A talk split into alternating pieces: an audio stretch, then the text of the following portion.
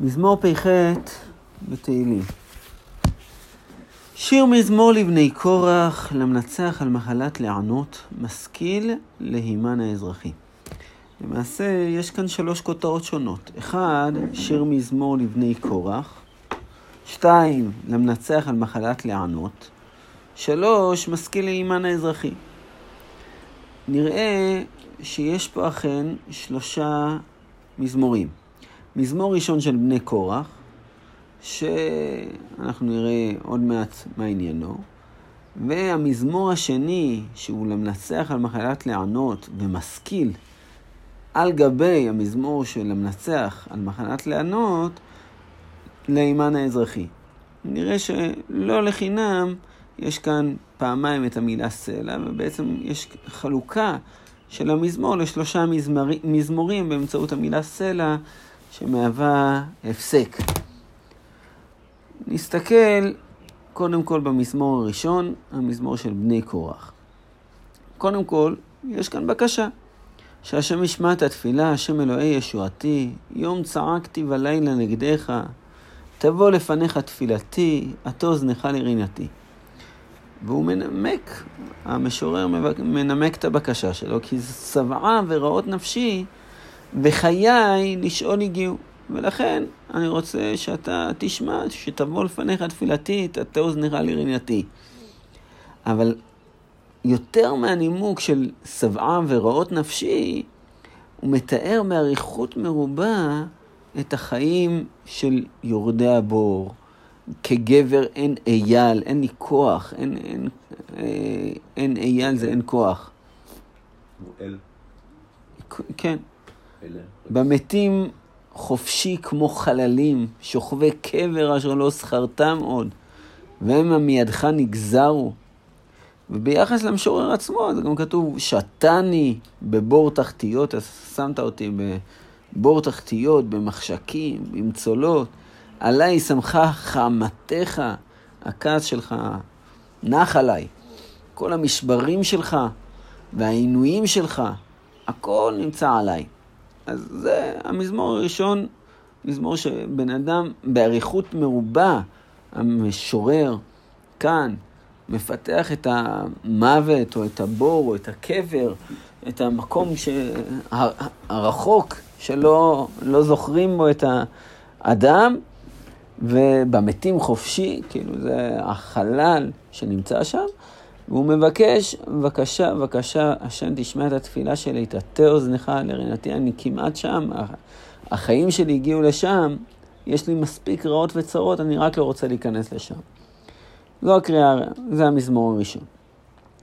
המזמור השני, בשביל להבין אותו יותר, אז אנחנו נקרא קצת את הסיפור של אמנון ותמר, שנראה שזה על מחלת לענות. כלומר, מחלה שכל המחלה שבה היא בסופו של דבר הייתה בשביל לענות.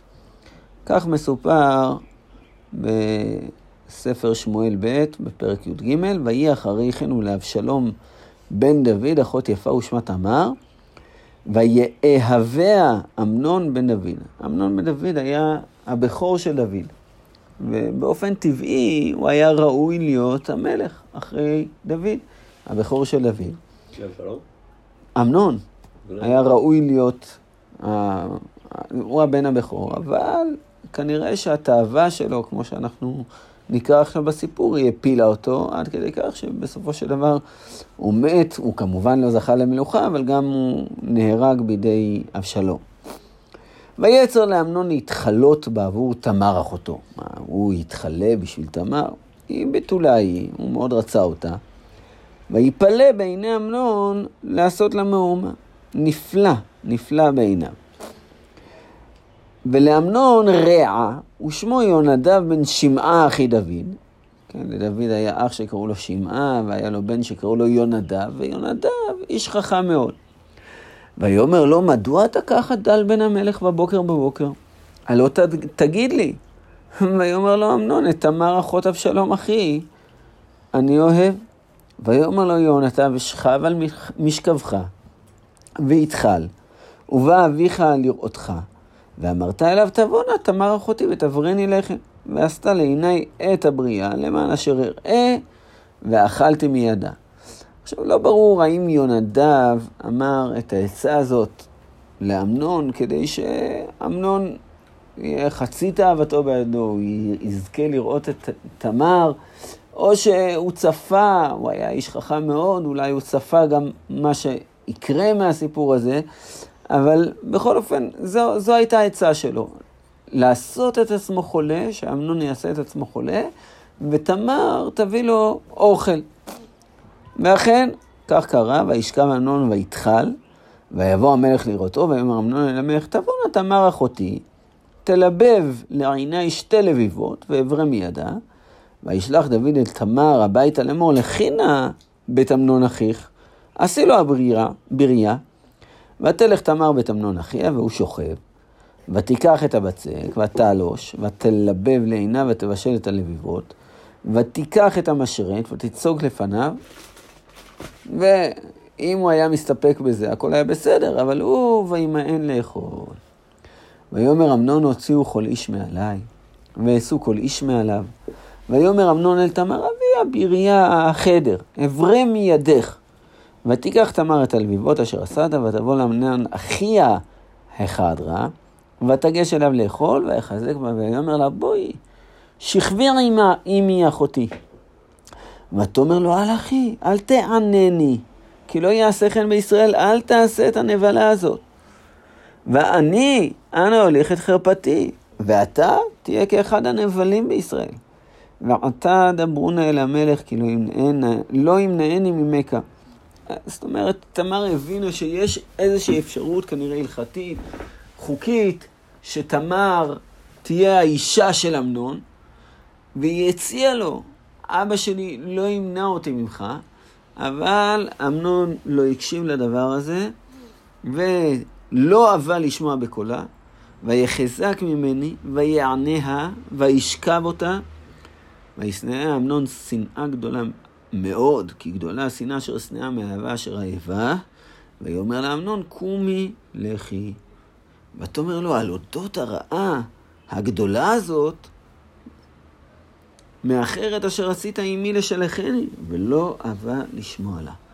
ויקרא את נערו משרתו, ויאמר שילחו נא זאת מעלי, נאור לדלת אחריה, ועליה כתונת פסים, כי כן תלבשנה בנות המלך הבתולות מעילים, ויצא אותם משרתו החוץ, ונעל הדלת אחריה.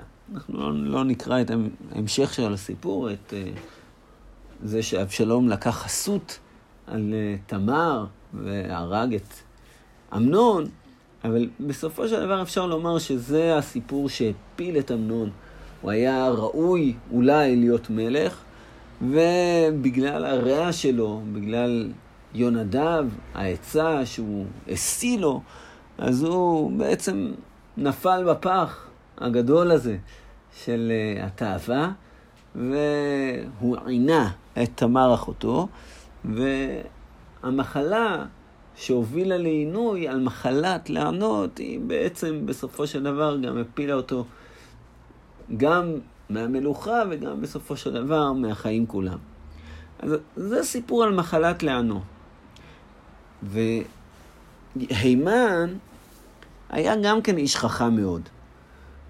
ככה כתוב על שלמה המלך, ויחכה מכל האדם מאיתן האזרחי, ואימן, וחלקול, ודרדה.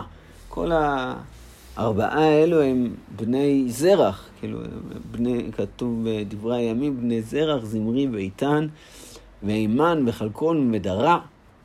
והמזמור שלנו זה מזמור של התבוננות בעצם במחלת לענות. זאת אומרת, במה שמוביל בן אדם לעזוב, לעזוב בעצם את הפסגה. אמנון היה ממש ממש בפסגה של אה, בן הבכור של דוד המלך, ודוד המלך קיבל את ההבטחה שהבן שלו יבנה את בית המקדש. ו... זה התרחש ממש רגע לפני... אה, זה, זה היה ממש, כן. לפני הסיפור הזה. לפני הסיפור הזה, נכון. ודוד המלך קיבל את ההבטחה, הנה, יהיה זרע, הזרע שלך יבנה בבית המקדש, ומהמקום הזה אמנון נפל. במקום הזה... אחר הדברים. אחר הדברים האלה. אמנון נפל. כאילו, זה, זה, זו הייתה הנפילה הגדולה.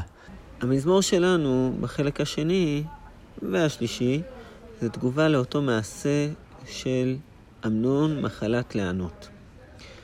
אימן האזרחי בעצם מתבונן, יש לו שתי תפילות על בסיס הדבר הזה. התפילה הראשונה, הוא מתפלל לא למות, והתפילה השנייה, הוא מתפלל שלא יהיה לו איסורים.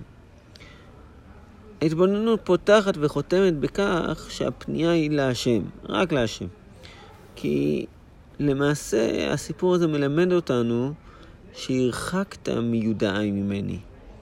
גם בהתחלה של החלק הזה נאמר, הרחקת מיודעי ממני, שתני תועבות לעמו. כן, אני נחשב כמו תועבה בשביל המיודעים. כלוא ולא אצא, וגם בחתימה, הרחקת ממני אוהב הרע, מיודעי מחשך.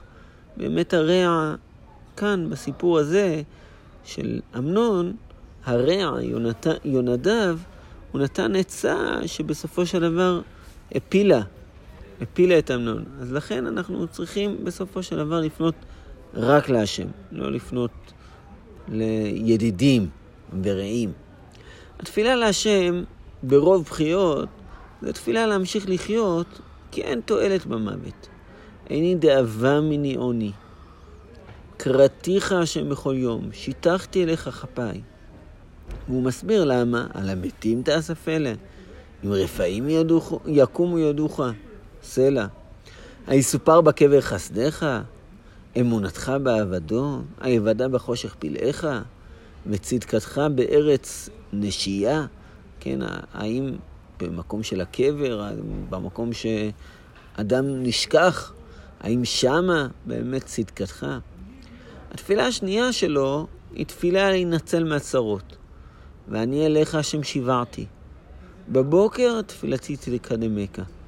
למה אדוני תזנח נפשי תסתיר פניך ממני?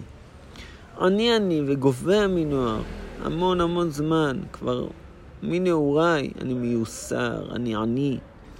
נשאתי אימך אפונה, הלוואי שכל האימה שאני נושא על גביי, כל הפחד שאני מפחד, אני אתפנה מזה. עלי יעברו חרוניך, ביעותיך צימטוני. כן, הכעס שלך עבר עליי, הביעותים החריטו אותי. סבוני כמים כל היום. הקיפו עלי יחד כל הזמן, כל הזמן, אני מוקף בצרות. אז האימן האזרחי בעצם מתפלל פה על בסיס המחלה של אמנון, הוא מתפלל שהשם יציל אותו גם ממוות וגם מייסורים.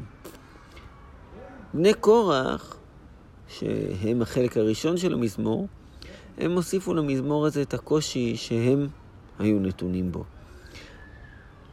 לא ברור מה הקושי, מה הפחד, המוות שהם היו נתונים בו, איזה פחד, איזה בור הם היו נתונים בו. אבל בהחלט נראה שבני קורח במזמור הזה, הם התפללו מתוך מה שאירע לקורח במדבר. אמנם בני קורח לא מתו, אבל נבלעו באדמה כל האדם אשר לקורח. ותפתח הארץ את פיה, ותבלע אותם ואת בתיהם, את כל אשר להם, כל האדם אשר לקורח, את כל הרכוש.